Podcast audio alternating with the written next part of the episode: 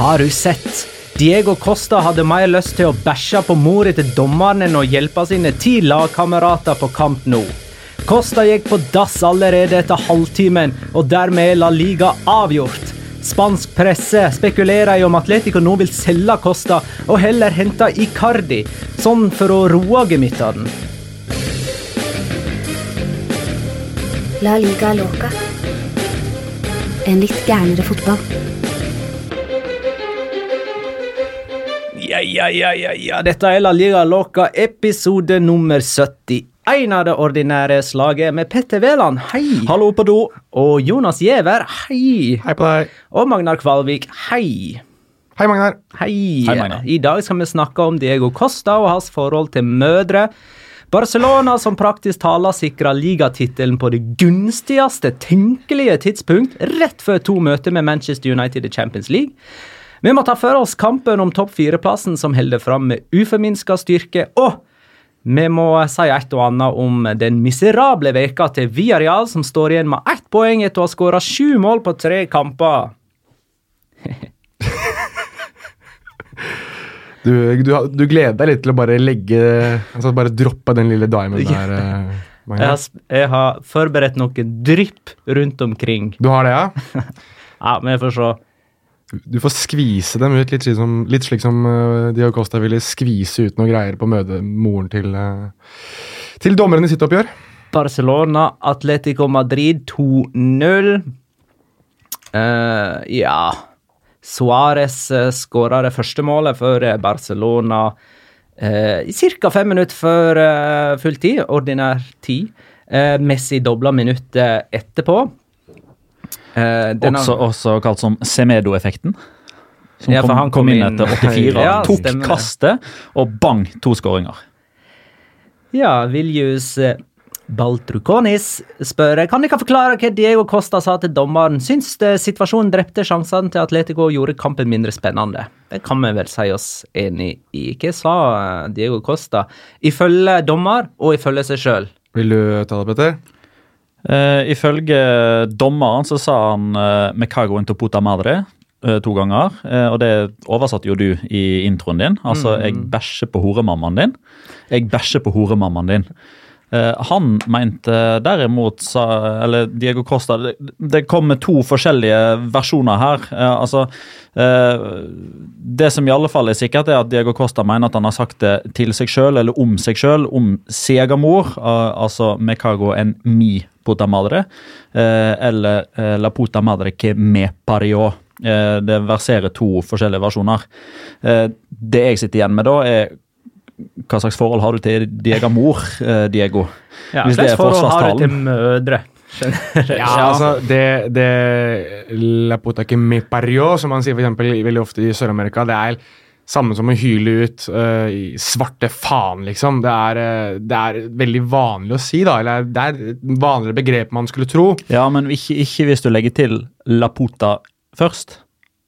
Jo, det er det. Ah, Altså, ikke som jeg har hørt. Ja, jeg har hørt det fra flere av mine latinamerikanske venner som har dratt uh, Ikke så veldig vanlig i Chile, eksempel. Da har du la concha de tu madre, la concha de mi madre, og så har du la puta que me pario, som veldig ofte er colombianere eller argentinere, som jeg kjenner. tror vi etter hvert skal stoppe eksemplifiseringen på språkbruket. Men eh, dessverre kommer vi nok tilbake til litt mer av drit seinere i denne episoden, jeg er redd.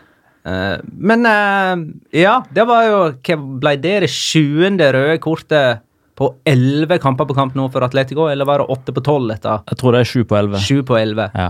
Kåke påpeker jo det i intervjuet etter kampen nå, at eh, Ja. Det skjer noe rart her hver gang. Ja. Ja. Men eh, altså Atletico har ikke lært, eller er de liksom så uheldige hver bidige gang? Eller? De spiller jo på grensa hver gang de er der, da. De, I den kampen her også så synes jeg jo at de altså de gjør jo det man gjerne gjør mot Lionel Messi. da, At du legger deg dypt og prøver å stykke opp spillet mest mulig, som jeg alltid har ment at er den mest eh, effektive måten å stoppe et lag med Messi på. Jeg går alltid tilbake til Hellas i VM i 2010. De gjorde det på en helt fremdragende måte. Der de stykka opp spillet og slutta Messi fra å i det hele tatt ha en effekt på på banen. Og så endte det jo til slutt med at det var Martin Palermo som skåret målet for Argentina i den kampen. Men den kampen, for de som ønsker å se hvordan stoppe Messi, se den og se Roma på Stadio Olympico fra Champions League i fjor. Der har du to lag som effektivt stoppet Messi ved én, og stoppa ham ved å takle ham hele tiden, og to, ta vekk rommet fra ham. Ja, Vi kommer mer tilbake til tips. Der tenker jeg når vi skal snakke preview av Barcelona United, Ja, okay, eller ja. omvendt. Ok. Men eh, for å gå tilbake til det Dio Costa sa, da, og for å kanskje avslutte den litt grann. Jeg synes at det er ekstremt svakt ja, av dommer å vise han ut. Helt uenig. Jeg synes det er, eh, Er du uenig med dommer eller Jonas? Med Jonas. Hvorfor det? Av måten det blir sagt på, og den aggressive, truende holdningen han har. Én ting er hvis dette er en spontan reaksjon, der han bare står og ser ned i gresset eller roper opp i lufta, men han sier det ikke bare én gang, men to ganger mens han går dit i sånn sinnagange. men Han får sånn sinnavene på halsen og står med knytta never rett foran Hilmansano. Og så få det vekk. Jo, men det er etter at han har fått røde kort. vel? Jo, men det, det, det her er det jo snakk om spontanreaksjon. Altså, det, det må være lov å uttrykke et eller annet. Altså bare, For det første, ja, det må være lov til å kjefte på dommer. Men da må du holde deg innenfor de grensene som, det, som man har satt. Hva er presedensen tidligere? Det bør man være klar over. Hvor går grensene, hvor går ikke grensene? En annen ting er du kan ikke reagere sånn på å ikke få et frispark midt på banen. Hadde det vært på overtid og du mener deg snytt for et klart straffespark, så kan jeg i det minste begynne å, å vise litt empati og skjønn. Men midt på banen for et frispark etter 28 minutter, så skal det framprovosere en sånn reaksjon? Nei, da går du langt over streken. Og det virker ikke som han hadde blitt sånn gradvis provosert heller på deg. Det var liksom den duellen, det var det som fikk han til å tenne Det på man hadde sett til. Diego Costa før dette her, var jo den albuen på Mm. Clement Langlet, som selvfølgelig sikkert kan ha vært uheldig, den òg. men, men allerede der så viste Diego Costa litt sånn hvor lynnet hans var. Mener Ja, jeg. men altså var han veldig smilete og uskyldig når han skulle hjelpe langløypa føttene igjen og sånt da. Jeg sitter og ser på situasjonen her nå da han blir utvist. og altså Han, han blir taklet av Arthur på midtbanen, og så hyler og skriker han, og så løper han mot dommer. Og da har dommer allerede, i, altså før Dio Costa i det hele tatt har Ja. nådd fram til ham, så har dommer allerede begynt å ta fram kortet. Men legg merke til at han bytter brystlomma. Jeg vet ikke om jeg, jeg skal se hva han bytter brystlomme, men jeg synes han Ja, ser ut som Han, han, han er på vei ned der han har det gule kortet, men pga. at han oppfatter at Diego Costa har en truende aggressiv holdning, så Men bytter det han. vet ikke mer. Det kan godt hende at han Sånn det. instinktivt Ja, reagerer, det sånn. prøver å ta seg til ei lomme, så kommer på at nei, jeg har røde kort i andre lomma. Altså, det er greit nok hvis han Ja, men dette er en dommer som har dømt flerfoldig 100 kamper. Han veit hvor han har kortene sine. Men eh, er det noe i at uh, det spansk media spekulerer, i Leipstad fast, men er, kan det, dette være dråpen for Simione? Altså, jeg mener, når han når jo Costa pådrar seg et rødt kort uh, på denne måten i en så viktig kamp der laget må vinne, og etterlate da ti medspillere som må springe rundt på kamp nå i jakt på seier, når ikke Simione grensa òg? For tålmodigheten med Costa. så det gjør jo Costa på godt og vondt. da. Altså Det er litt det du får med ham som har vært positivt. Ja, men er det nok, godt, er det nok vondt nå? Det syns jeg ikke.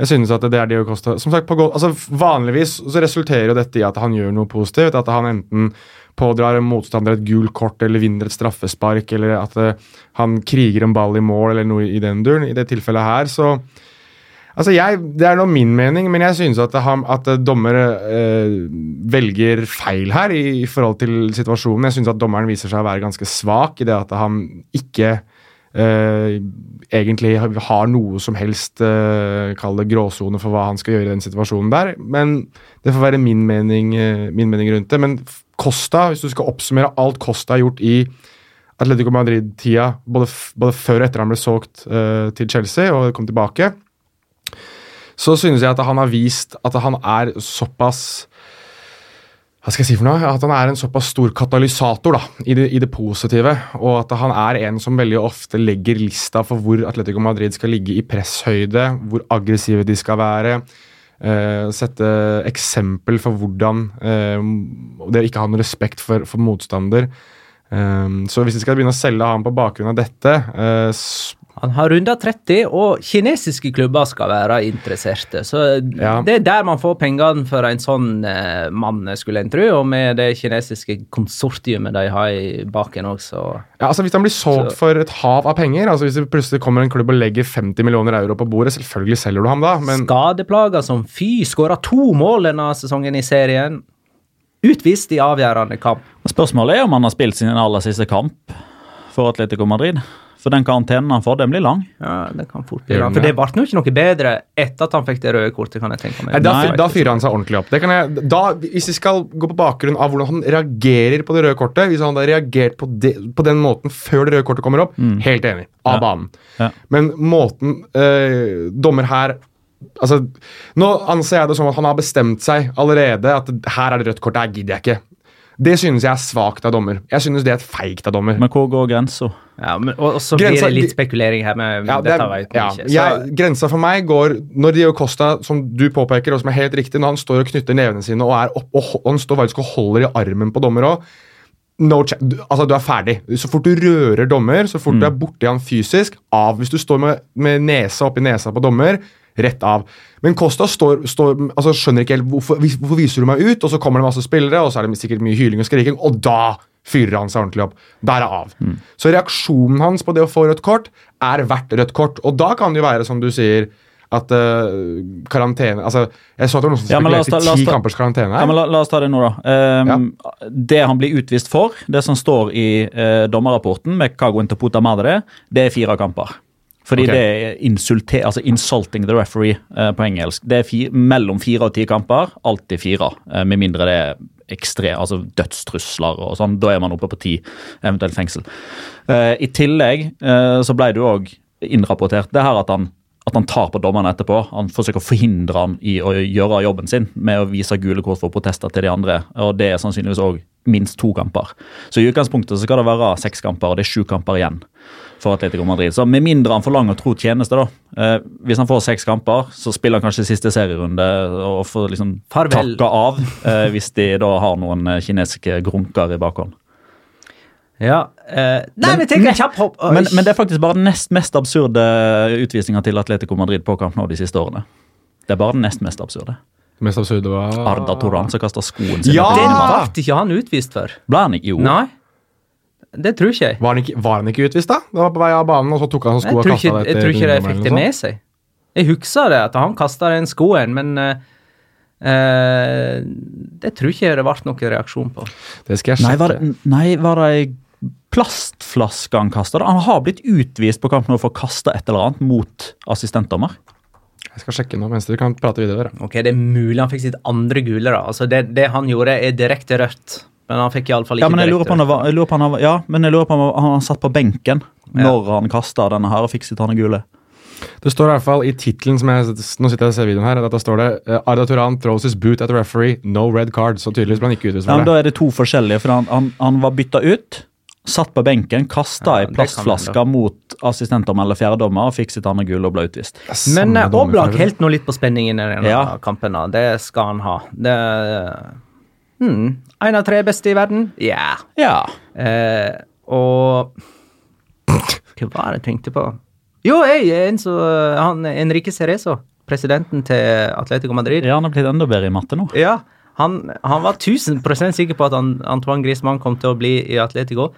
Eh, men det har han økt nå til 3000, og faktisk til 5000% Så det vil si at eh, på 1000 så var han egentlig bare 20 sikker. Ja, det er nettopp det. Han Ja. går til 5000 nå. Og den fallhøyden hans begynner å bli ganske stor nå. hvis du skal prøve å overbevise folk, så veit jeg ikke hvor effektfullt det er å bruke en fleksibel prosentskala. Nei, så tenk hvis han i, i en senere anledning nå sier at han er 100% sikker på noe. altså han, Da, da skjelver han jo, da.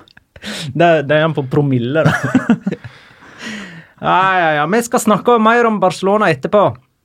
Det ble i hvert fall, Han ble ikke utvist for å kaste sko under Arda Turan. Jeg sitter og ser på det her nå. Det var en Copa del Rey-kamp. Han blir byttet ut et kvarter etterpå, eh, etter å ha krangla med linjedommeren igjen. For en hens. Vi går videre til Champions League-duellen. Rayo Vallecano Valencia 2-0. Ja. Uh, Raúl de Tomàs og Mario Suárez uh, skåra for uh, Rayo. Eh, der kom altså tapet til Valencia etter elleve seriekamper uten Hey! Parejo hadde egentlig karantene den kampen før han fikk gult kort mot Real Madrid. Og så anka de eh, det gule kortet, den kom til følge, og han fikk spille denne her og bomma på straffe. Var det på stillingen 0-0 til og med? Det var det. Mm. Der ser du. Han hadde også en stygg ballmist uh, rett før det, vel, som kunne resultert Det, det resulterte ikke i scoring, men det burde jo ha gjort det, egentlig. Uh, men eh, Skal vi snakke om Valencia eller Rayo først? Nei, ta Valencia kjapt, da. Ja. Ja, altså, Nei, ja, ja, jeg har egentlig ikke så mye mer å si, jeg. Forsvaret til Valencia, midtforsvaret til Valencia uten Ezekiel Garay altså Vi tre hadde spilt bedre forsvar enn det, altså, enn det de gjorde tidligvis den kampen her. Mukhtar Diakabi, det der må du bare legge opp nå. Nå er det over, altså. Jeg er enig med Petter. altså Jeg sa innledningsvis denne sesongen her at han syntes han så ut som det var noe bra der. Ja, få det bort nå, altså. Nå er det over og ut. Det går Med Diakabi.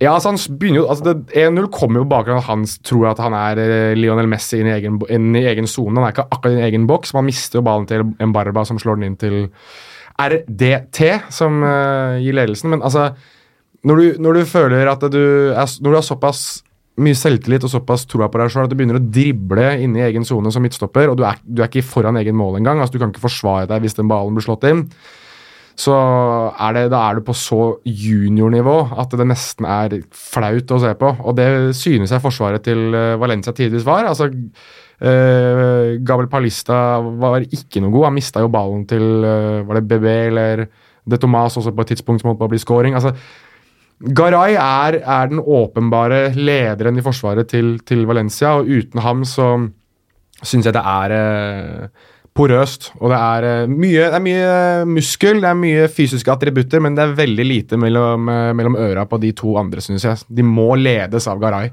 Sorry, altså, det jeg, jeg kan godt være at jeg høres skikkelig slem ut, og det er greit nok det, men jeg blir så svett av å se på to midtstoppere som ikke veit høyre fra venstre. altså. Og Mukhtar Diakabi og Gavel Paulista kan du sende dem på billigsalg, begge to, så kan du sette inn Kvalvik, Veland og Giæver neste sesong. Legg det ned. I alle fall Kvalvik og Veland. Ja, jeg, jeg er kanskje den som dere bytter inn, og så er det jeg som er den som eh, slipper inn alle måla. Det er veldig mulig, det. Men uh, fy Ja. faen, jeg er lei av de to. Kan Raúl de Ikke dere Tomas to, men de to. skyte Rayo ut av nedrykksplassene slik Aspas gjør det med Celta Vigo, eller? Ja, Hvis noen skal gjøre det Rayo, så er det jo han. Har han 14 nå? Uh, ja, har han ikke det? Jo da. Han Men har Aspas 13. Å ja, så det var det 13., det der. Ja, Ja. stemmer. Men kan vi ikke altså, Greit nok at det, det, Aspas 15, sant, med de to eh, Jeg tror det. mm. De Tomas var, var jo kjempegod, men, Aspas har 15, ja. men Embarba var jo den som var best, synes jeg, for, uh, for Rayo den kampen her. Han var jo tidvis en, en midtbane alene og bind, bandt sammen både midtbanen og angrepet på fantastisk vis. Han, Ja, Det var han som stjal ballen fra Diakabi og serverte det Thomas, som du sa. Han slo jo corneren som Mario Suárez hedda inn. Ja, stemmer. Uh, og vi har vært litt sånn Vi har vært litt eplekjekke, med rette, syns jeg, mot Paco Remes. Eh, men æres den som æres bør. Han har gjort noen valg, og det pleier han å gjøre når han kommer inn som ny trener et annet sted.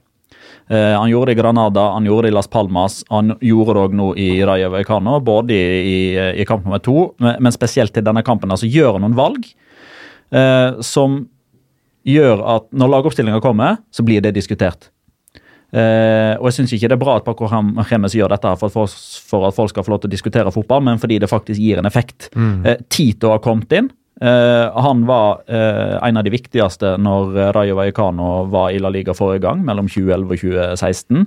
Eh, Paco Remes tok med han til Granada når han var trener der. Så fikk jo riktignok Paco Remes fyken etter seks eller sju kamper, så der ble jo ikke Tito noe spesielt bra.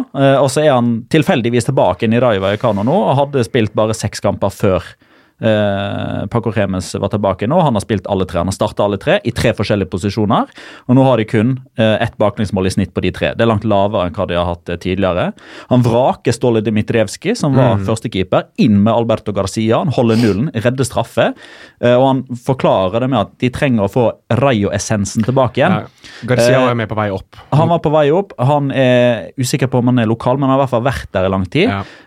Og Paco Remes har fått litt sånn kritikk for det her pga. måten han formulerte det på, men jeg tror eh, Fordi han, han mente at eh, skal man få Rayo-essensen tilbake igjen, så må Alberto Garcia stå i mål, ikke Ståle Dmitrevskij. Eh, han kunne spart seg den siste kommentaren der, fordi det er mange som tolker det som ok, greit, en makedoner kan ikke stå i mål for Rayo. Eh, men det får bli en annen sak. Og Adrian Mbarba spilte ingen av de fire siste kampene under Mitchell. kom inn sist, starta mot eh, Valencia og slo to målgivende pasninger. Så han tar valg, og han har lyktes med det til nå. Rayo ligger da Så bare få opp tabellen. Nest sist, eh, fortsatt. Tre poeng opp på trygg, til trygg grunn. Valencia eh, fire poeng bak Getafe, som slo Atletic med 1-0. Eh, og dermed reiste seg etter de tre seriekampene uten seier. Og her slo de altså et av formlaget i La Liga. Um, Det gikk som du spådde, Magnar. Med formlaget. Ny kontrakt til Gaisca Garitano. Ja, ja, Det blir tap. Mm. Resten av kampen. uh, Angel skåra i andre kamp på rad for uh, Getafe. Hørte dere? Hørte dere den applausen han fikk når han kom inn? Nei, jeg gjorde ikke det. Jeg Altså, hadde, det, det var jubla nesten for scoring. Getafe-fansen, når han kom inn. bare- Han er så populær. ja, Han er populær. Og uh, her er en av fordelene til Getafe. De har tre spisser som skårer mål. Jeg tror Ja. uh, disse tre nå har 29 av 38, eller noe. Mm. Uh, for eh, dette var jo hans sjuende, og så har Mata 13 og Molina 10, er ikke det sånn? Kan stemme det. Ja, Det er sånn cirka det. En Det er helt riktig, faktisk. en, en annen fordel de har, er jo at de stadig vekk vinner disse stygge kampene. Ja, Så det, er, det avgjørende målet kom sånn der, Det var tre dueller. Det, det var ikke en eneste pasning. Det var tre dueller som Getafe vant på rad på Atletic sin banehalvdel, og ballen spratt til slutt sånn tilfeldigvis til Angel, som da var alene med keeper. Jeg kaller det der tilfeldig, den ja. duellen der i forkant. Ja, Men men du kan godt kalle det en, en målgivende av Portillo. Ja, det blir jo det. det Blir blir jo det. det. Liten fun fact. Yngste Getafe-spiller som har skåra mål denne sesongen, er 26. Ja, men, det er jo, 30 av 38 har passert 30. men dette her er jo et veldig godt poeng når det kommer til, til Getafe. Altså, hvis de skal ut i La oss nå si at de kvalifiserer til Champions League, så er jo ikke dette et lag med en masse unge spillere som, med masse resalgsverdi eller videresalgsverdi. Eh, så de kommer til å mest sannsynlig ha den samme troppen eller mange av de samme spillerne ut i Champions League. Bortsett fra kanskje, som Jan André Mraz Hagen spør om, om Hvor hen tar Jené Dakonam veien etter sesongen? Er han god nok for et topp fire-lag? Og da snakker vi altså om midtstopperen, som vel er sjefen i det Skal vi ta det på tre, Jonas? Vent litt, altså Ikke glem nå at Retafe er et topp fire-lag. Ja, men spørsmål ja. Hvilken klubb? Nei, om han er god nok for et lag som ah, ja. skal ut i Europa. Ja. Én, to, tre. Ja! Han er mer enn god nok. Men nå skal jo Retafe da. Kanskje.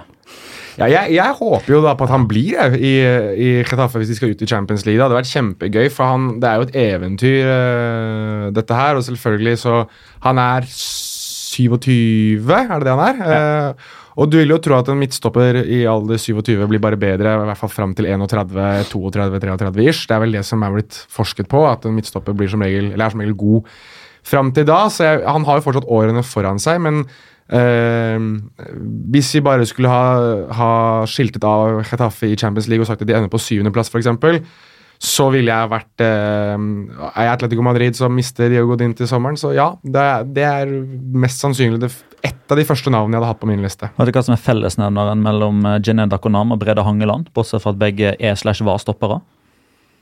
Eh, nei. De tar tog og T-bane til trening. Ja, stemmer det. Han, eh, han er også blitt sett på buss, han Jené. Mm -hmm. Det var vel noen som tok bilde av det en gang, husker jeg.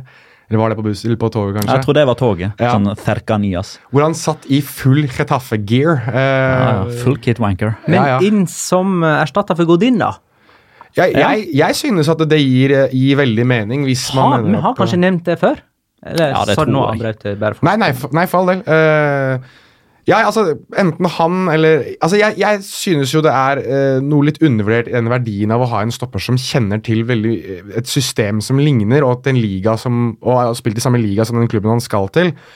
Altså, Bordalas har jo bygget mye av det Chetaffe-laget på noen av de samme prinsippene som Simione. Kompakt, dypt forsvar hvor eh, man skal være såpass hard og duellsterk som overhodet mulig sentralt i banen. Det er fellesnevneren for begge disse to lagene her.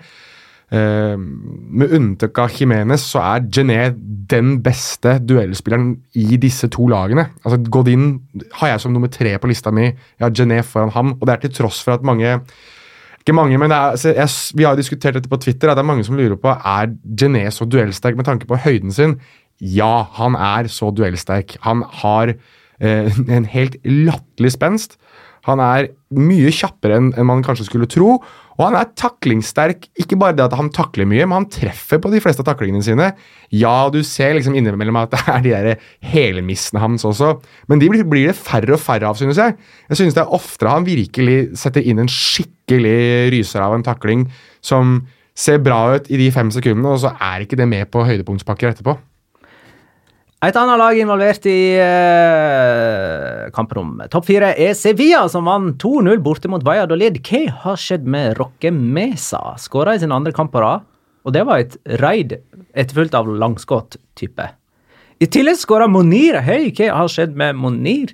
Eh, og denne gangen var innhoppet eh, til Brian Hill effektfullt. Ja, det var det. Så når man slipper å spille mot storlagene når de ligger under, så Ja, når han kan endelig komme inn i en kamp der de leder, og så mot et svakere lag og være med på en måte å prøve å punktere, punktere. Eh, det som skjedde etter kampen, var at Joaquin Caparos, treneren til Sevilla, offentliggjorde at han har kronisk leukemi. Eh, det høres helt jævlig ut, eh, men jeg veit egentlig ikke helt hva det innebærer. Eh, han offentliggjorde det på den karismatiske måten som kler den karismatiske karakteren han er. Da blir mine innvendinger mot fotballfilosofien hans sekundært, om ikke helt betydningsløst.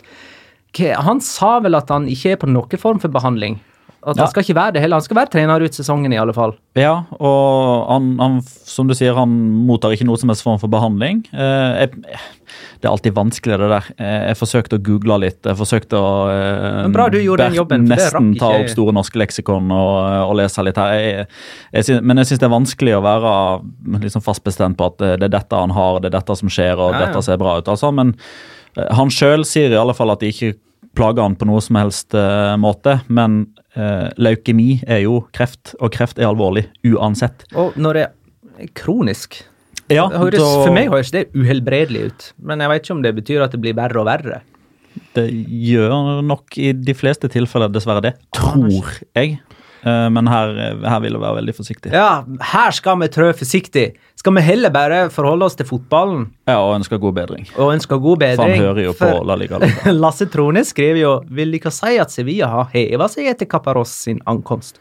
Resultatmessig ja, prestasjonsmessig så er det fortsatt så der, syns jeg. Um, men når Kapados kom inn nå, så var det jo rett og slett fordi alarmklokkene ringte. Uh, og man så eh, Champions League-toget og for så vidt òg Europa League-toget forlate perrongen. Ja. Ja. Det var sånn som i fjor. Da tok de hva?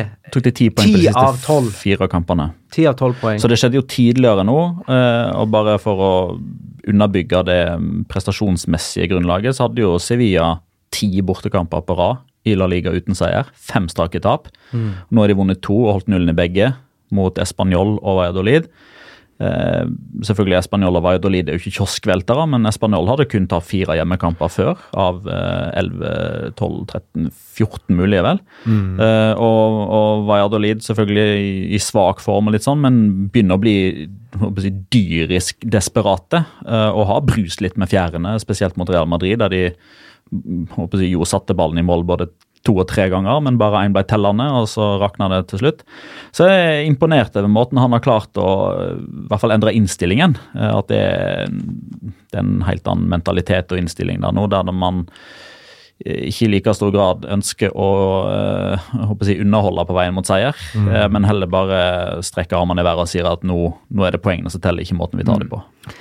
Det er kanskje for de som ikke vet eller ikke husker noe, bare for å ikke bli helt historieløs her, men dette er jo, det er jo tragisk at det skjer med enda en Sevilla-trener. altså Eduardo Berizzo hadde jo også eh, sin kamp med prostatakreft i han, Det ble bekreftet i eller Rundt jul 2017, så det er jo mindre ja. enn ja. halvannet år siden. Et, etter Liverpool-kampen i november 2017. Ja, var det 22. november eller noe sånt, så googler jeg meg fram til. Så det tragisk at det forekommer igjen da i, i Sevilla, men det er en Sevilla-trener. Og det ser ut at det har gått bra med Eduardo Britzo. Han skal jo trene Paraguay i Copa America. Så vi får håpe at uh, Joaquin Caparros uh, mår like bra da, som Eduardo Britzo tilsynelatende gjør. Sevilla forbi Valencia på tabellen, opp på femte, poenget bak Getafe. De som virker å være for alvor på vei ned, er Alaves, som spilte 1-1 mot Leganes. Jonathan Kaleri skåra på straffe for Alaves. Jonathan Silva skåra på et nydelig innlegg for Leganes på overtid. Én seier på siste fem seriekamper for Alaves. Var det du som tvitra det, Petter? Jonathan og Jonathan, begge med fortid i Boca, og de to eneste som heter Jonathan i La Liga? Jeg har ikke noe Locora lenger, Magna. Magnar. Nei, så kjedelig! Var det det? Ja. Men uh, Jeg skal finne på en ny en. Sorry. Det går fint. Jeg tok din forrige gang. Vi gjorde du skal, vi skal snakke litt om Santi Cazorla om bitte litt. Eh, Da går vi inn på eh, nedrykksstriden, faktisk. Og for en nedrykksstrid! Ja, Den er ganske saftig. Real Betis via Real 2-1. Los Celso skåra to mål for eh, Real Betis. Via Reals beste midtstopper, Ramiro Fones Mori, utligna på et tidspunkt for eh, Via Real. Cazorla bomma på straffe på overtid og var umulig å trøste etterpå. Um, først vil jeg gi eh, en tommel opp til Real Betis-keeper Pau Lopez, som ble stående på straffen. Midt i mål. Ja. Det var jo ikke en Han panikk engang. turte å risikere å se dum ut. Mm. Eh, og med den belønninga at han til og med holdt ballen i fanget. Det er to, Eh, to keepere som gjorde det i denne runden her, faktisk. Sjelden at du ser. Eh, to keepere som sto på straffe. Ja, ish. Jeg var, å, gud, fikk jeg jernteppe. Keeperen til Alberto Garcia. Alberto Garcia sto jo temmelig midt i mål på straffen til Parejo, vel? Ja, men den var litt ut Det så jo ut som Parejo prøvde å sette den til sides. Men begge holdt. Begge holdt straffen. Ja, riktig. Det er verdt å ta. Det er sant. Mm. Jo, men Casala sto jo etter kampen og grein inni tribunebygget. Dette ble filma og har gått sin seiersgang, på en måte. Var ikke det på flyplassen? Ja, kanskje det var det. Ja, jeg tror det. Ja, hvert jeg tenkte gråt. at det var sånn Ja. utafor Ja, det var det som var garderobe og sånt, da. Uh, men uh, det er jo mange som har enorm uh, sympati med han. Mm. Til og med Real Betis skrev jo på Twitter at det var en ære eller en, en slags luksus å ha Santi Casola på besøk på Benito Via Marin etter åtte år vekke, eh, og at eh, de håper at det blir mange år til. Jeg, for, jeg føler egentlig det fortjener Eller det forteller alt om, om den statusen som Santi Casola har i spansk fotball. Eh, og det, eh, jeg er så fan av den eh, den behandlinga som sånne gentlemen får rundt om. Santi Casola får det, Joaquin får det. Eh, Messi får det av Iniesta fans. fikk det. Iniesta fikk det hele tida. Uh, Chabi Prieto fikk det ganske mye, syns jeg. ja. Jeg liker den måten man på tampen av karriere blir verdsatt. Ikke bare av de man har spilt for, men òg de som da har vært så heldige og fått lov til å, å se de utover idretten som supportere og, og som motstandere. Legg at det at veldig mange av dem er spanjoler, med unntak av Messi. Så er det som regel bare de, liksom de, de gamle Ja. spanske. Eh, sånn som Diego Godin, eksempel. Han kommer ikke til å Kommer ikke han til å bli hylla på Madrigal eller på ikke det. Men jeg vet ikke om dere så uh, Santi Casola har jo tvitra om, om dette. Nei, få høre! Han skrev eh, Wow! Ok, ja. Skyldfølelsen som jeg har, er, eh, er det ingen som kan ta uh, fra meg, men eh, leven- mine venner og familie løfter meg opp. Det er, fire, det er syv finaler igjen, og sammen er den eneste måten vi kan overkomme dette på. Ja. For å oversette det veldig kjapt. Og er jo på nedrykksplass, bak Valladolid på innbyrdes. De tapte hjemme mot Valladolid og spilte uavgjort borte. Sånn er det. De er A-poeng, da. Um, ingen har kommet dårligere ut denne veka her enn eh, Villarreal. Tapte 3-2 mot Celta Vigo forrige helg, da, med en avgjørelse på overtid, straffe. Spilte 4-4 mot Barcelona med en avgjørelse på overtid.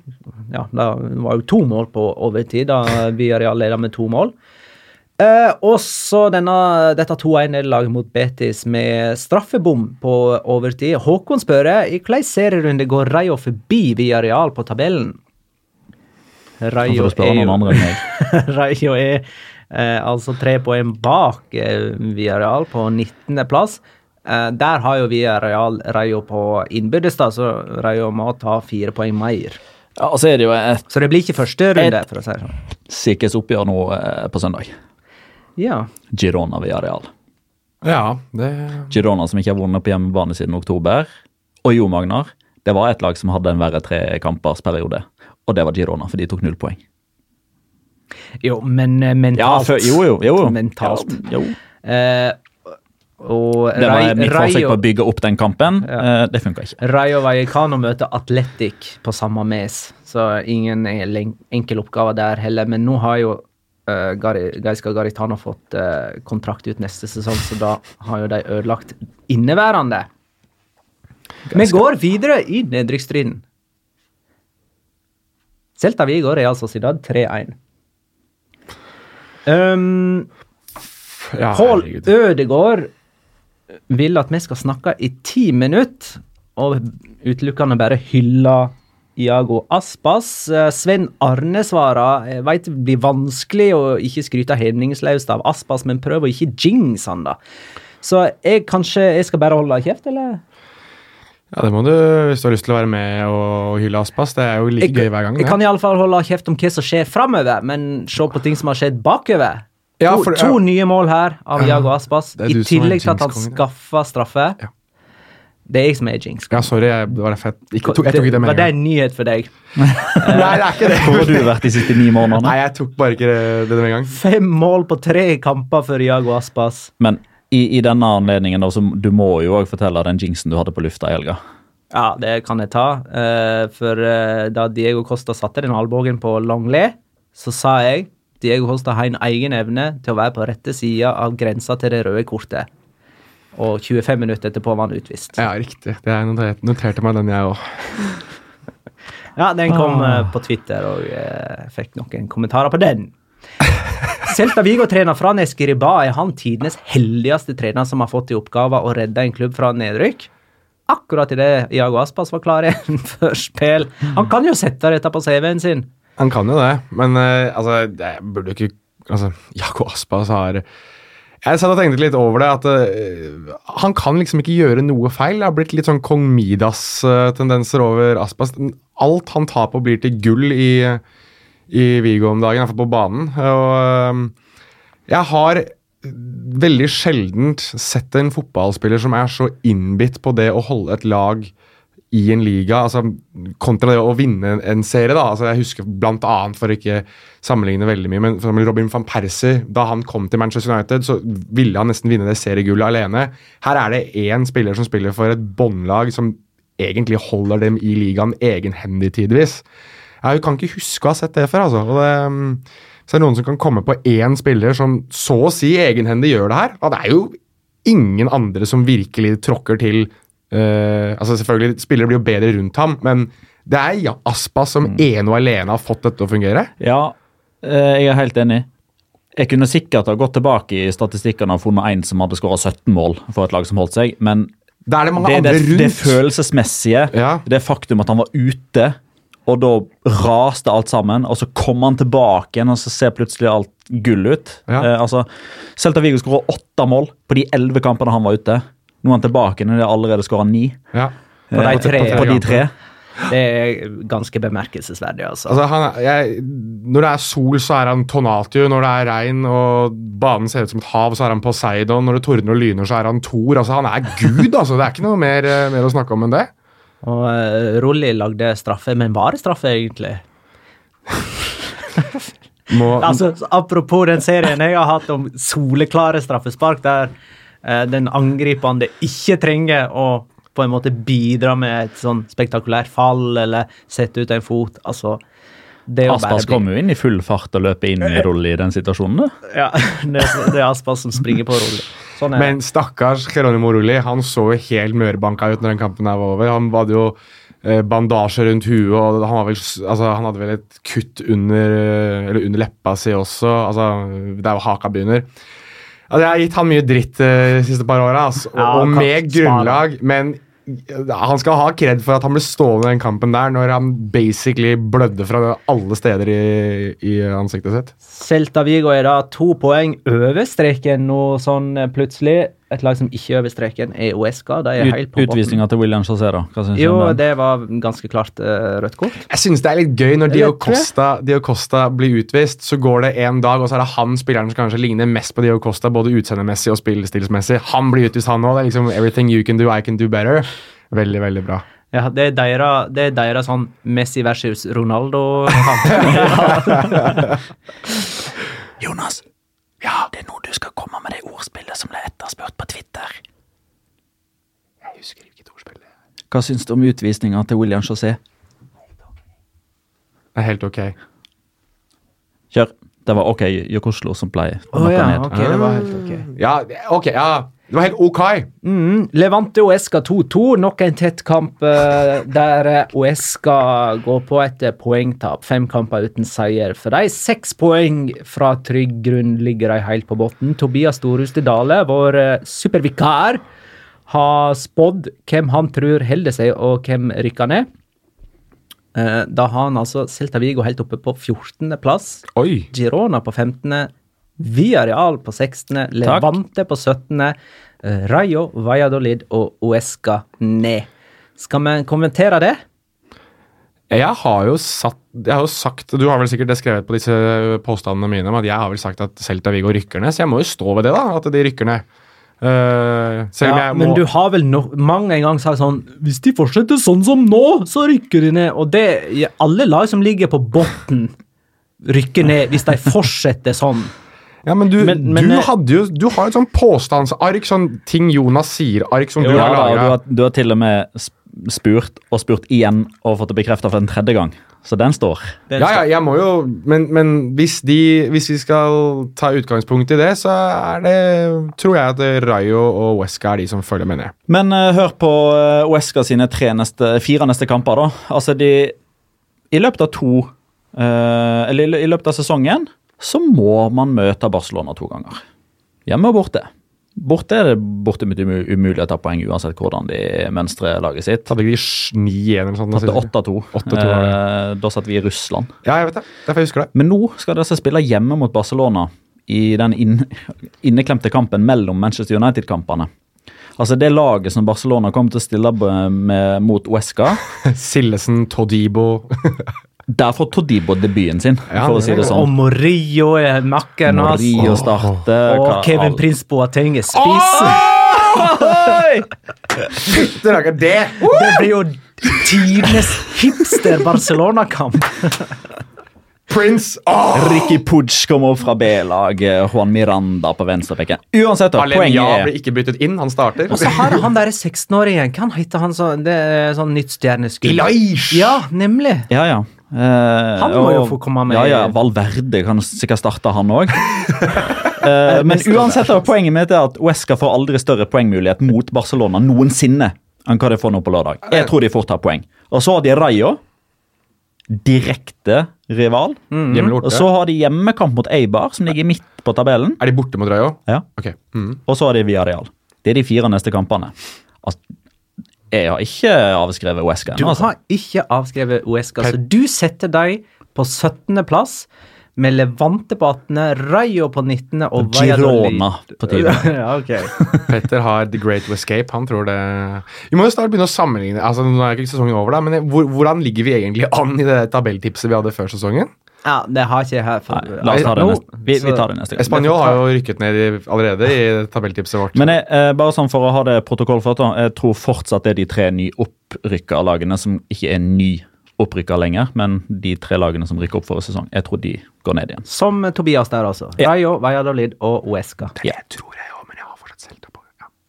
Kjør videre. Vi har kommet til den delen av eh, programmet jeg kaller runden for øvrig, når vi liksom fort går gjennom kamper som ikke hadde en større betydning. Real Madrid, Eibar 2-1.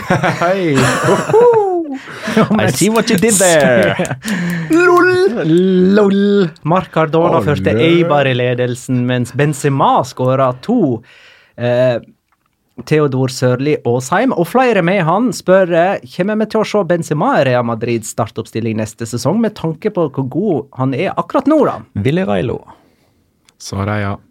Svaret er ja. Svaret er ja, Svaret er ja men altså, ja. hvis det er en spiller som trives eh, med kamper som ikke betyr noe Så er det Karim Benzema. Det kommer for øvrig, før dere tar veldig mye Benzema, det kommer mer Benzema-snacks senere i Ja episoden. vel, ok. Uh, dette, wow. Det framstår jo som et tydelig sånn pliktløp, dette her, for eh, Real Madrid, er ikke det? Altså, det virker nesten så det er litt sånn pinlig for dem å spille disse kampene. Ja, De liker det ikke. Nei. Men la, la dere merke til at det stadion det var, nesten, det var ikke så veldig mange på denne kampen her Nei, det heller. var tredje minst besøkende kampen denne sesongen. Ja, Det var 30 000 ledige seter. Jeg la veldig merke til det at det var sånn Wow, det her, her var det glissent! Det var, selv i den der hvite eh, hvite banden bak målet som jeg holdt på å si noe annet om nå. Kanskje de kanskje de får litt motivasjon likevel av kampen om andreplass. Så de er bare to poeng bak eh, Atletico. Ja. Nei, men altså, det var altså svake resultater, de er lei. Eh, Og Uattraktiv motstander, og så var det jo Newcastle Crystal Palace samtidig. Men, men det er ja, Sorry, unnskyld meg. Du først. Nei, jeg tenkte bare å si at De spiller jo mandagskamp neste runde mot eh, Leganes. Og har jo blitt spurt om det tidligere, om, om ikke det er litt ydmykende å få en mandagskamp. Og det er jo i ei Champions League-uke. Det, nå er det mange Real Madrid-fans som kommer til jeg kan, Shaya Angelillian har nå knust tastaturet sitt på PC-en. Ja, ja, men det, Dette er ikke noen meningsytringer. Dette er jo bare fakta. og De ble spurt om det. Han- han- har blitt spurt om det, om ikke det er litt ydmykende å få en mandagskamp. Der uh, skrudde han av abonnementet på podkasten vår også. Men eh, for å ta noe som kanskje får han til å trykke abonner, abonner igjen på podkasten vår eh, Det er jo litt verdt å ta med at nå meldes det veldig fra Madrid-pressen og fra spansk presse generelt at Eden Hazard er så å si klar for Real Ja. Madrid. At det, den overgangen der er det egentlig bare å vente til sesongen er over før det blir bekrefta, og at Real Madrid nå driver da med sin sjarmoffensiv i spansk presse for å få på Pogba til Madrid også. Som, Ikke Icardi, for han skal til Atletico og sier as. ja, det er lykke til. Ja, jeg, vi glemte å nevne det under Atletico-praten i stad, Ja. men eh, ja, Hva det står jo- Nei, det er bare, bare det. Bare sånn riktig tull. Ok. Altså, helt i Det blir ikke mindre snakk om mødre når han kommer, for å si det sånn. Ja, det blir mer koner. Watch out, for der uh, Wanda Nara på eh, Wanda Metropolitano Wanda Ja, Metropolitano! sant, Det går jo hånd i hånd. Ja. Girona Español 1-2, katalansk eh, veslebror-derby, der Español var den største veslebroren. Slik det bør være. Sergi Darder med to herlige skåringer. Det vil si det ene ble jo sjølmål, da. Eh, Et eh, langskudd som gikk via Bono og i mål, men god kamp av Darder. Mens Christian Stuani skåra på sitt 15. straffespark på rad. 16. 16. 16 er han oppe i nå. Han har da den lengste rekka med straffer Altså en spiller som har tatt straffer uten å bomme. Han Ja. er jo den Ja, han er, han er jo La Liga-rekorden, han nå. Um, så han er blitt historisk denne, denne uka. Eller forrige uke, hvis det blir. Ja. Da tenker jeg at uh, vi kan snakke litt Europa. Ja, gjør det. Manchester United møter Barcelona på Old Trafford onsdag denne veka.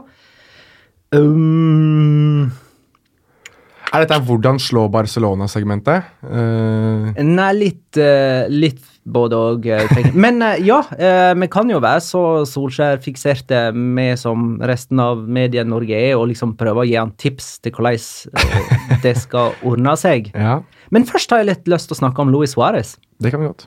Eh, for han har ikke skåra på bortebane i Champions League på hva er det, tre og et halvt år. Ja, det var noe sånt. Uh, ja, jeg har det her en plass. Jeg mener jo september 2015 mot Roma. Han uh, skåra i sin siste bortekamp for, uh, for Liverpool mot Manchester United. Så skåra han på Old Trafford, faktisk. Ja, og, og det er jo litt sånn typisk. Nå har det gått lang tid med, der Suárez ikke har skåra på bortebane i Champions League. Han møter eh, en sånn der hatklubb for hans del med sin fortid i, i Liverpool og med den Patrice Evra-episoden. Eh, og er ikke det litt typisk at han får et eller annet til i en sånn kamp som dette? Det hadde, jo, det hadde jo egentlig vært det. Og nå begynner han å vise Han begynner å vise tenner nå. Eh, den kampen som han hadde mot Atletico Madrid, den var varierende i den grad at det var fortsatt eh, en del strøm i skoen og noen touch og noen ødelagte angrep og litt sånn, men han har fortsatt den der fandenivoldskheten og den altså han plager midtstopperne. Eh, og det at, at han skal drive og drive og eh, løpe mellom Smalling og Jones og Lindeløf og Bailly og hvem det nå er som skal spille, det, får man jo se på onsdag hvem Ole Gunnar Solskjær velger, og om det er to eller tre stoppere. Ja, Små Lindeløf kan spille. Ja, er, er, du, du som har et øye på United, vil du påstå at det er vanskeligere å, å forutsi United sin startoppstilling enn Barcelona sin? Ja, Ja. Vi kan komme tilbake til det. Jeg vil bare lese det Magnus Oi skriver til oss. Han mener jo at vi skal sette av noen minutter til Luis Suárez da. Ikke for hans elendige driblinger, svake touch, håpløse avslutninger, teite valg og trege tempo, men for hans utenomjordisk sterke syke som gjør at han aldri gir seg, aldri letter seg syke ut av svake prestasjoner. Rått. Og det Det merker man i kamper han spiller. Ja. kan være dritelendig å plutselig skåre. Kjempeskåring mot eh, Atletico, by the way. Det er jo fordi at han er Hele Luis Suárez er en stor følelse, og den svinger i uh, samsvar med kampene som regel. Altså uh, det er ikke så veldig Jeg tror Luis Suárez er et av de menneskene Hvis jeg hadde, hvis de hadde sittet uh, eksempel på en middag eller på en sammenkomst, så tror jeg fort at han er den personen du hadde sett enk enklest på om han syntes dette var gøy, at det var moro å være her, eller om dette var veldig veldig pyton. Han er bare følelser. Og eh, jeg vet ikke hvordan det er å ha med han å gjøre privat, men på, på en fotballbane så tror jeg det er helt grusomt å ha med han å gjøre. For du vet aldri hvor du har ham. Men spesielt da som motstander så tror jeg det er eh, rett og slett pyton. Fordi hvilket humør er han i? Hvilket humør er han i om ti minutter? Hvilket humør er han i i, andre omgang? Hva sier de til ham i pausen som får han og så Kommer han til å bli enda mer aggressiv? Kommer han til å bli roligere? Kommer han til å bli mer betenkt? Kommer han til å bli er helt umulig å skjønne seg på. Uh, du hadde jo ei oppskrift på å ta ut Messi, du, som du, så du kan jo på en måte kort uh, repetere uh, ditt tips til Solskjær. Ja, altså hadde jeg Det var to eksempel du hadde. Ja. Atletico og Roma. Nei, Hellas og, og Roma. Ja, ok. Eh, Jo, Ja. Men Hellas er vel litt sånn i, i Atletico-ånd, Ja, det- det, det- det- stykke opp spillet, Ja, det blir få, det. få hele laget ut av rytmen. Ja, få, få for, og må- må jeg jo si, hadde jeg visst hvordan man stoppet Messi, så hadde jeg sittet på en trenerbenk i en av Europas største klubber. Men Og det har mange gjort, ja, uten å klare det. Ikke sant? Nei, men øh, Sånn jeg har sett og sånn, sånn har, De gangene jeg har prøvd å analysere meg fram til hvordan du stopper Messi, så er det én av to ting. Så stykker du opp spillet ved å lage mye frispark ved å ta ham, som regel godt og langt ifra boksen, for ellers så klinker han med frispark i mål. Det er jo det som har blitt X-faktoren hans de siste par årene. at det, Du kan nesten ikke gjøre det heller, for han kan score på frisparkene også. Det kunne han jo ikke i starten av karrieren sin. Han har sju mål på frispark og fem mål på straffe denne sesongen. Skårer han mer på frispark. Nei, han får flere frispark hver. Men det Roma gjorde i, i fjor, som jeg synes var eh, ekstremt gøy å se på, var at de hadde eh, ikke noe frimerke på Messi, men de hadde alltid en klar indikasjon på hvis Messi beveget seg sentralt i banen, så skulle det på en måte aktivere i hermetegn den spilleren i den sonen. De var tre mann på midten. Det var vel Stroltmann Nainggolan og De Rossi. De Rossi lå i hvert fall alltid bak. Hver gang Messi fikk ballen, så var de klare på at han kom til å dra av førstemann.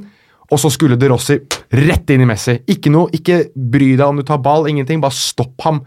Og hvis Messi kom seg forbi ham igjen, som skjedde ved en og annen anledning også, så var det som regel Federico Fassio av alle, altså den største, slemmeste og mest fysiske midtstopperen som Roma hadde, som skulle høyt i banen, og bare rett inn i Messi. Så han fikk ikke lov til å ha noe særlig med rom. Uh, og det er den måten som jeg husker at også José Mourinho sa vel i sin tid, eller var det Carl Angelotti kanskje, som sa det at vi kan ikke stoppe ham ved å, eh, takle han eller være fysiske med ham hele tiden. Det går ikke. Vi må ta vekk rommet. Vi må kvele Messi mest mulig.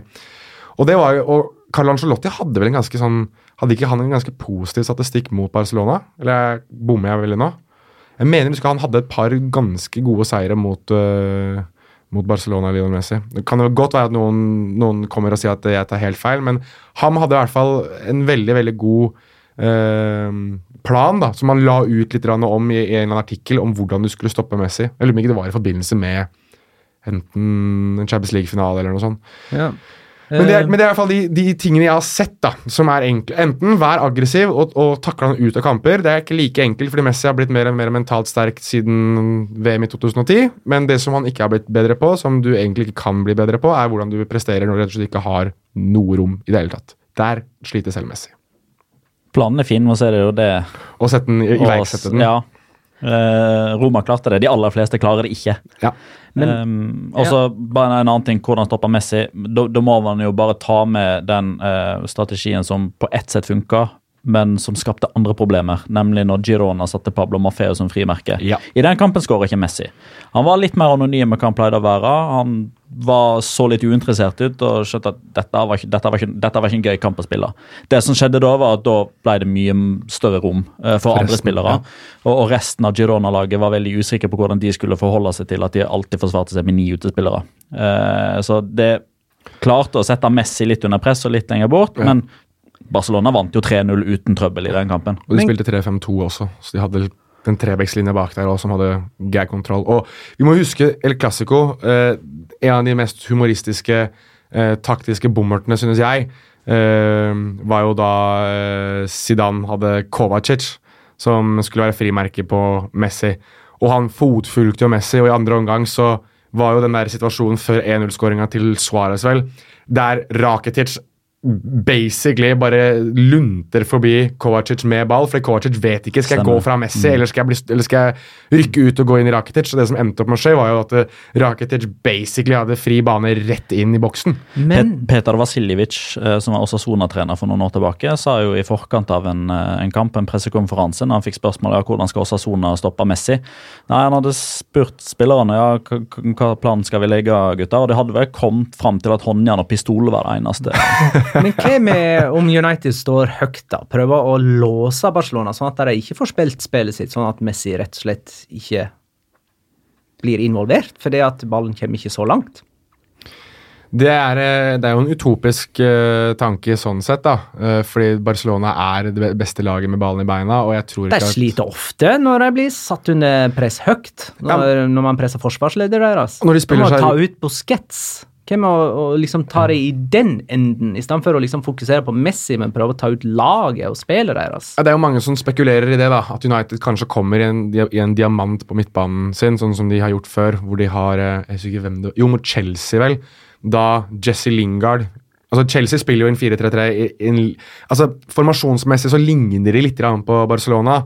De spiller ikke på lik linje som Barcelona, men Jorginho i det Sarri-systemet skulle jo styre og stelle og få ballen til til å gå i det Chelsea-laget.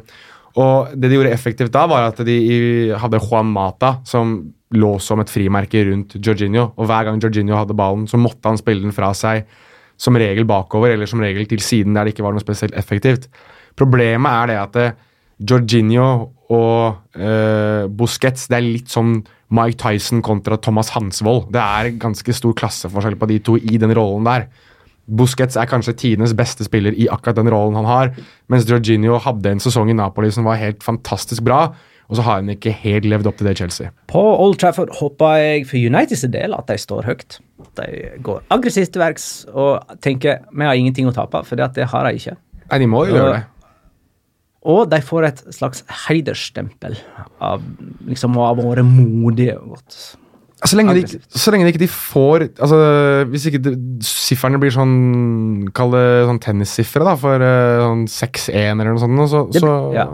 Det, det, det Om du står lavt eller høyt, så er sånne siffer uansett kjipe. Eh, skal vi hjelpe La Leo Loca 03 med startoppstillingen til Barcelona? Ta det kjapt. Ter Stegen står i mål. Ja. Sergi Roberto høyreback. Ja. Alba venstre. Ja. Longley og Piquet. Ja. Busquets, Ja. Rakitic og Arthur. Ja.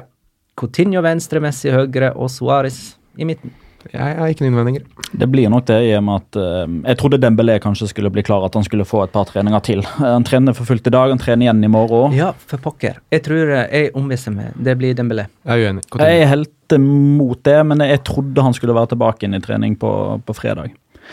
Eh, Men i og med at han det drøyde først nå, han har ennå ikke fått det såkalte Alta Medica. Det får han i morgen. Eh, historien viser da at man sjelden går rett inn fra start. Mhm. Men eh, det er vel eneste spørsmålet. Ja, den- jeg føler vel det. Ja. Bjørn E. Rudshagen skriver Kan Manchester United slå Barcelona over to kamper? Pål Ødegaard svarer på et dataspill, kanskje. Det skal vi huske, Pål. Det skal vi huske. Eh, hva er vårt svar? Nei, at eh, ballen er rund, og det skal spilles mye fotball, videre. Ok, Så Manchester United kan slå Barcelona over to kamper, men gjør ikke det. Jeg tror ikke det, nei. 70-30. 70-30 for Barcelona. Har du endra det, da? Hadde ikke du Eller var det jeg som hadde 80-20 eller noe sånt nå? Jeg tror du var enda mer eh, Stemmer det. Vi hadde den prosentfordelingen eh, da trekningen var den fredagen. Ja, nå har United har jo fått lov til å. Noterte du ned, da? Det kan hende Eh, at det det har endra meg, men eh, det jeg tror ikke jeg har endra mye i så fall. United har i hvert fall fått lov til å hvile en helg nå, da. Så de har jo De kommer jo inn litt freshere enn det Barcelona kanskje gjør. Ikke at det alltid har noe å si, men det er jo en faktor det er verdt å ta med, i det minste. Og som vi har vært inne på, Barcelona tar jo helt fri i eh, La Liga til helga mellom disse to kampene. Selv om Uesca er motstander. Altså, selv om de har faktisk en kamp å spille. Um, den andre europacupen som involverer spanske lag, er de to eneste spanske lagene som er eh, igjen i Europacup, eller Europaliga. Real møter Valencia på torsdag. Begge disse er ganske tynga av eh, ligasituasjonen. Valencia er utafor topp fire. Villarreal er på nedrykk, så det er vel mest prekært for dem, kanskje. Det er nok det. Klar, altså, vil de bare prioritere vekk denne kampen for å overleve? Nei, det tror jeg ikke. Jeg tror de bare Jeg tror de kjører på og både håper jeg, tror og, og, mest av alt håper at uh, energiboosten og uh, laktatnivåene og alt dette her, at det holder til å kjøre på i begge leirer. Men la oss nå være såpass rause. Nå er det mye via realstikk, og selvfølgelig det er greit, det, men jeg synes Villarreal de siste tre rundene i hvert fall i La Liga har sett bedre ut. altså. De ser... Jeg synes de er gode, jeg. Ja, jeg gjør det. Jeg synes de ser veldig, jeg synes de får utrolig dårlig betalt for å se gode ut. Altså, ja. De spiller god ja, fotball. Altså, det er litt porøst forsvar, da. Den ranten du hadde på Diakobi og Gabriel i stad, kan du opphøye den i pi ganger pi ganger pi. Og så ha, altså... Alvor Gonzales er skada. Hva skjer da? Nei, suspendert. Hva skjer da? Jo, Bonera kommer inn, og han er veldig solid i en halvtime. Blokkerer et skudd og blir jo selvfølgelig skada. Ja, jeg noterte meg det samme. men, men altså, når du spiller med en stopper som er 64 år gammel, som det Daniel Bonera er, ja. så må du nesten forvente at det gjør litt vondt i visse ledd innimellom. Ja. Men ja, jeg er enig med deg. men jeg la også merke til det, at du og jeg Det er ikke bare Magna Kvalek som jinxer folk her, for du og jeg satt også og hylte om Ramiro Foros Mori opp ned og i mente siste episode. Og hva gjorde han på, på intervjuet, Marin? Han skåra mål. Selvfølgelig gjorde han det. Funnes Mori er dritt. Og likevel den beste de har. Det, det, det Bonera var den beste. Det Petter gjorde der, var at han prøvde å jinxe det. så at ja, Motsatt Mori Ja, men noe utligner. ja, det, er det er jo mot mitt lag du spiller i Europaligaen! Den, vi, vi, har ikke evna til å løfte spillere og lag Nei, opp. Men bryte dem ned, det kan vi. Apropos, skal vi kåre rundens spiller? er det du som skal gjøre det? Det er jeg som skal kåre rundens spiller. Jeg skal ikke gå aktivt inn for å kaste en forbannelse over noen, men det er gjerne det jeg utilsikta gjør når jeg kårer rundens spiller. Så jeg har tenkt å ta en liten vri her nå og gå ut ifra at denne rundens runden spiller ikke kommer til å gjøre det noe bra resten av sesongen, så da kan vi like godt kalle dette en slags hevn overfor en tidligere rundens spiller kåra av meg. For i starten av november kåra jeg Girona-keeper Yasin Bono til rundens spiller. Han ble følgelig skada kort tid seinere, og denne helga skåra han sjølmål. Det var helt sikkert min feil alt sammen, så som en slags plaster på såret kan jeg nå kaste min utilsikta forbannelse over han som påførte Bono dette sjølmålet. Om Bono skulle ønske han kunne hevne seg på Sergi Darder, så gjør jeg det nå på vegne av keeperen. Sergi Darder skjøt nemlig fra langt hold, sånn 40 meter eller noe, i stolpen. Bono slengte seg naturlig nok etter ballen som spratt ut fra stolpen og i ryggen på Bono og i mål. Dette var det andre gode langskuddet til Sergi Darder i denne kampen. Han skåra nemlig Español sitt første mål på lignende vis. Såleis gjør jo Darder seg fortjent til denne kåringen for prestasjonene sine. Og så kan jeg jo si sånne vanlige portretting som jeg pleier å si i denne spalta, at Sergi Darder kom til Español som 13-åring og ble utvikla der. Han reiste videre til Malaga før ferden gikk videre til Lyon, og nå er han tilbake der han starta sin profesjonelle karriere i Español. Denne sesongen har han i stor grad fra sin midtbaneposisjon bidratt til at Español har holdt seg unna den nedrykksstriden alle så føre seg at de skulle være i. Blant annet har han skåra avgjørende mål mot andre nedrykkskandidater som Rayo og Villarreal. Og denne helgen var han altså hovedpersonen bak begge Español sine mål mot Girona. Gratulerer og lykke til, Sergi Darder. Rett i skjærsilden der, altså. Han hadde en bra kamp. Han var god. Ja. Skal vi se, bare Vent litt. Jeg må bare sjekke hvem jeg skal sette pengene mine på neste. Alaves er tilbake i Champions League-kampen, gitt. ja, de møter Español Alaves. Ja, riktig. Da er det tid for Locura! Ukens La Liga Locura. Locura. Locura. La Liga Locura. Jeg hadde jo en, og den ble tatt av Jonas, eh, men jeg har funnet en ny en. Uh, fordi jeg, leste, både leste og hørte her forleden. Uh, først og fremst at uh, Premier League-dommer Mike Dean hadde flagga opp sitt 100. røde kort i Premier League. Eh, og det er jo veldig imponerende. Og i samme, eh, i samme samtale eller samme artikkel så ble det også sagt at eh, han hadde eh, delt ut 100 kort i Premier League denne sesongen. Og tenkte jeg, jøss, holder de på sånn i Premier League? tenkte jeg, tenkte jeg da. Dette trodde jeg var liksom forbeholdt Spania og Italia, først og fremst. Eh, og så fikk jeg jo på mange måter bekrefta det når jeg går inn og ser eh, hvor mange eh, hvor mange kamper han har dømt. Eh, for I Spania er det jo sånn at du har ti dommere som eh, dømmer, og ti dommere som er VAR-dommere. og så switcher de annenhver serierunde. Så i løpet av en eh, i løpet av en sesong så dømmer alle 20 La Liga-dommere 19 kamper. Med mindre det er noen skader eller noe sånt. Eh, I Premier League så er det litt annerledes. Anthony Taylor har 28 blant annet, mens Simon Hooper har bare 7. Eh, Altså det er andre kriterier for hvem som dømmer kamper og hvorfor. Så Mike Dean, helt riktig, har delt ut eh, 100 kort på 24 kamper. Estrada Fernandez sier 'hold my beer' og har delt ut 108 på 16. Det er ganske solide tall, da. Og fire av de kom i løpet av de siste fem minuttene av Betis vi hadde i all søndag kveld. Viktig. Du, Jonas, har bedt om å være sist her. Ja, jeg har det. Ja, da uh, tar jeg min uh, locora fra Vallecas. Der, eh, derfra går det nå en eh, video viralt der eh, Valencia-trener Marcelino får huden full av eh, Vallecas, eller Rayo Vallecano-supportere. Det er litt spesielt, for det er en veldig intim stadion, så benken til Valencia er jo helt inntil tribunen, og Marcelino blir altså skjelt ut etter noter av to-tre, i alle fall to uh, Rayo-supportere som uh, Ja, de refererer jo til den ulykka han hadde i eh, bilulykka i romjula 2017 eller noe, der eh, de uttrykker at de skulle ønske at han og hele familien hans bare Ja, du veit. Eh, og det er, noen, de der, eh, det er to stykker, to-tre, som, som driver og roper og, og, og skriker, og man tenker jo når det, det er et kamera der, de ser jo inn i kameraet til og med, de vet at kameraet er der, og bare fortsetter likevel. Jeg tenker at det, det der må jo, når de ser kamera, så, så må de jo slutte, liksom. Men de får med seg hele tribunen etter hvert til å skrike 'Marcelino hijo de puta' et eller annet. Eh, og Marcelino holder altså hodet så kaldt han fortrekker ikke ei mine, mens spillere på benken, f.eks. Daniel Wass, han sitter jo og ler og ser på Marcelino flere ganger og lurer på når skal du sprekke, og det skjer ikke. Uh, så vidt jeg har forstått, så har La Liga bedt om identifisering av eh, de aktuelle personene for å bannlyse dem fra spanske stadioner. Du vet hvorfor de gjorde det? Du kjenner bak eh, historien her? Nei, det lurer jeg litt på. Fortell om det. Det er jo pga. sesongavslutninga i 2015-2016, da eh, Marcelino var Viareal-trener og dro til Gijon og møtte Sporting i siste serierunde. Eh, stilte et meget, meget svekka mannskap mot sin gamle klubb. Han er jo født og oppvokst i Gijon, spilte for de som aktiv, har vært trener der.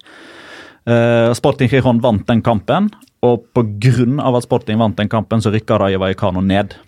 Stemmer. Eh, derav. Eh, og, og etter den kampen også, så klarte jo også da eh, altså Apropos eh, Wanda Nara og koner og mødre og litt sånn. Kona til Marcelino klarte jo å prestere og instagramme fra eh, bilturen på vei hjem. Eh, job well done. Vi reiste Ja. hjem med ny kontrakt. Gratulerer med dagen. Ok, Jonas.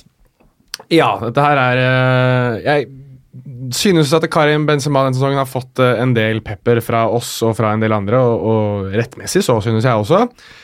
Men jeg bestemte meg for å ta en liten titt på tallene, sånn målmessig og, eh, og eh, hvor, hvor ligger han an i sammen, sammenligning med disse spillerne som veldig mange vil ha inn i Real Madrid. Og Dette har jo tatt litt grobunn i en tweet der det var noen som skrev at uh, hadde en rekke med spillere som hadde mindre seriemål enn Karim Benzema. og jeg trodde at dette var en som fant på noe gøy bare for å lage en tweet som skulle, som man sier på Twitter-språket, bang lite grann. Men nei, da har jeg tatt en liten titt uh, på det, og uh, for å gå veldig kjapt uh, igjennom det. Roberto Firmino totalt i, Nå tar jeg bare målene. Jeg tar ikke hvor mange kamper som er spilt, eller noe sånt. Det synes jeg ikke er så viktig i akkurat i denne eh, sammenligningen. Men, men Roberto Firmino har 14 mål totalt denne sesongen. Eh, Alexander Lacassette har 15. Romelu Lukaku har 15. Uh, skal vi se Mauri Cardi har 16. Uh, Eden Hazard, som er på vei til Real Madrid også, mange tenker at han kan spille spiss, han har 17. Uh, Raheem Sterling har 19. Og uh, Sadio Mané, også kommer til Real Madrid, 20. Mohammed Salah har 21. Pierre-Emerick Aubameyang har 22. Edinson Cavani har 22. Landsmann Luis Suárez i Barcelona har 23. Uh, Harry Kane står med 24 mål denne sesongen totalt, og Hvor mange hadde Benzema, sa du? Vent litt, vi kommer til det. Ja. Cristiano Ronaldo, mannen som veldig mange tenker at det er grunnen til at Real Madrid ikke gjør det spesielt bra, han står med 24 mål totalt denne sesongen. Ingen av de har 26, men det har Karim Benzema. Og han har skåret da mål hvert 149. minutt. Edinson Cavani, Pierre-Emerick Aubameyang er to av de som har bedre eh, snitt enn ham. Cristiano Ronaldo og Harry Kane har vel også bedre snitt. Men f.eks. Luis Suárez skårer mål hvert 152. minutt. Så han har dårligere målsnitt enn det Karim Benzema har. Og da tenker du ja, ja, men Luis Suárez har vel flere målgivende? Luis Suárez er 11 målgivende. Karim Benzema han er 10 målgivende. Så det at Karim Benzema er så dårlig og presterer så dårlig og er så mye dårligere enn alle de spissene som kobles med Real Madrid, det stemmer simpelthen ikke. Men så er det kanskje det som er Locora-delen av dette, synes jeg. For jeg tenkte at vel, Karim Benzema skårer en del, men er han, er han den beste spissen i La Liga? Mange mener nei. Men er han i det hele tatt den beste franske spissen i La Liga? For det er faktisk én som har enda bedre snitt og skåret enda flere mål. Wissam Ben Yedder har skåret totalt 28 mål, riktignok på flere kamper, skal vi se. Var helt sikker. Nei, Karim Benzema har én kamp mer spilt. Wissam Ben Yedder har 47, Karim Benzema har 48. Og da er vi tilbake igjen på Ja ja, men Benzema har jo ti målgivende. Så mange kan vel ikke Wissam Ben Yedder ha? Jo da, Ben Yedder har ni. Og Karim Benzema, som nevnt, skårer hvert 149. minutt. Wissam Ben Yedder hvert 121. minutt. Så hvilken spiss, hvilken franske spiss, er den beste i La Liga? Tallenes tale sier at det er Wissam Ben Yedder. Begge spiller på lag som har underprestert denne sesongen her. Kanskje Real Madrid skal vurdere om de skal hente en fransk spiss til. Han heter kanskje ikke Kylian Mampé, Kanskje han burde hete Wissam Ben Yedder. Kult. Jeg har for øvrig noe som jeg vil fylle på med veldig kjapt. Jeg hadde egentlig tenkt å ta det under Real Madrid Eibar-bolken, men den var veldig kort. Uh, Benzema har, som du sier, han skårer 26 mål denne sesongen. Uh, to av de målene skåra mot lag på øvre halvdel i La Liga. Ja. Han har ett mot Valencia, ett mot Alaves. Resten er mot lag på nedre halvdel. Og så har han ett mål i supercupen, riktignok mot, uh, at, mot Atletico Madrid. Han skårer på Manchester United også. In UEFA, har, UEFA har ikke møtt United Denne denne sesongen. Spiller ikke du Nei, ok, ja, da blander jeg. Sorry. Atletico Nei, det er over et år siden, det. Ja, jeg blander. Beklager. Og- det, og de spilte jo UEFA Supercup også. Men ikke Og målene i Champions League det er tre mot Pilsen og ett mot Ajax. Så Jo da, men uh, at han skårer mål og ikke, er, uh, ikke finner veien til nettet, det er jo strengt tatt feil. Men, feil. men vi kan jo Men når du legger på det du gjør der, så kan det jeg underbygger Ben Jadder påstanden din. Ja, han scorer mot alle. Ja. Da kan vi tippe. Forrige kamp var Barcelona mot Atletico Madrid, som endte 2-0. Mm, Første mål, eh, Luis Suárez. Jeg hadde 2-1. Første mål med Messi. Ett poeng til meg. Jeg har 22. Petter hadde 2-0, og målet Suárez. Det er første fempoenger denne sesongen, eller? På, i, hele, I dette studio. 23 poeng, da. Jeg fikk låne den førsteplassen noen dager. Jonas, hvordan gikk det med deg? 1-1 og Saul. Det er null poeng, og du står på 14. Det er Diego Costa sin feil. Det er jo det. Jeg det trodde jo jeg, Du trodde ikke at Diego Costa skulle bli utvist etter en halvtime, Nei, det gjorde jo ingen. Nei, det gjorde jeg ikke, men, men jeg kjente at jeg var, sånn, var litt sånn småfurten da Luis Suárez faktisk uh, scora. Jeg hadde Oblak var liksom min store helt der i noen uh, Ja. i, i, I nesten en hel kamp. Er det Sevilla Real Betis, eller? Ja, det må vi. Ja, ja, ja. Petter? Forrige sesong, eh, altså eh, Den Villarreal Barcelona 4-4-kampen, eh, da var det jo åtte mål og elleve gule. Mm. Eh, altså 19 Sånne ting. Eh, man må tilbake igjen til forrige gang Sevilla Betis møttes på Ramón Sánchez Pizjuan for å finne noe tilsvarende. Da var det åtte mål og ni kort. Altså 17 3-5. sånne ting. Helt riktig. Eh, det blir ingen reprise. Eh, men mål blir det. Eh, og det blir fire mål. Eh, og det blir to til hver. 2-2. 2-2, sier Petter. Eh, og så skal jeg ikke ta Jonas eh, sin. Han får ta Wissam. Eh, jeg tar Giovanni Lo Celso. Lo Celso. Jeg sier 2-1 til Sevilla og Sarabia. Tjukk-tjukk! Jonazo, Jonas Vi venter spent på resultatet ditt, Jonas. 4-2.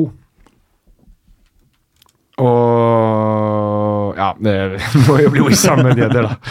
Wissam. Hvis du ikke hadde tatt Wissam med neder og han skåra det første målet, da hadde det bare vært eh, altså, tippinga di i et nøtteskall. Ja, det hadde faktisk vært det. Men nå skårer jo André Silva, for det det Bare til å se. Tusen takk for alle innspill og, og spørsmål. Jeg har tatt vare på noen som ikke har blitt med i denne episoden, bare sånn at dere er klar over det. Tusen takk for at dere liker oss på iTunes og legger igjen positive kommentarer der. Tusen takk for at du lytta, kjære lytter. Ha det, da.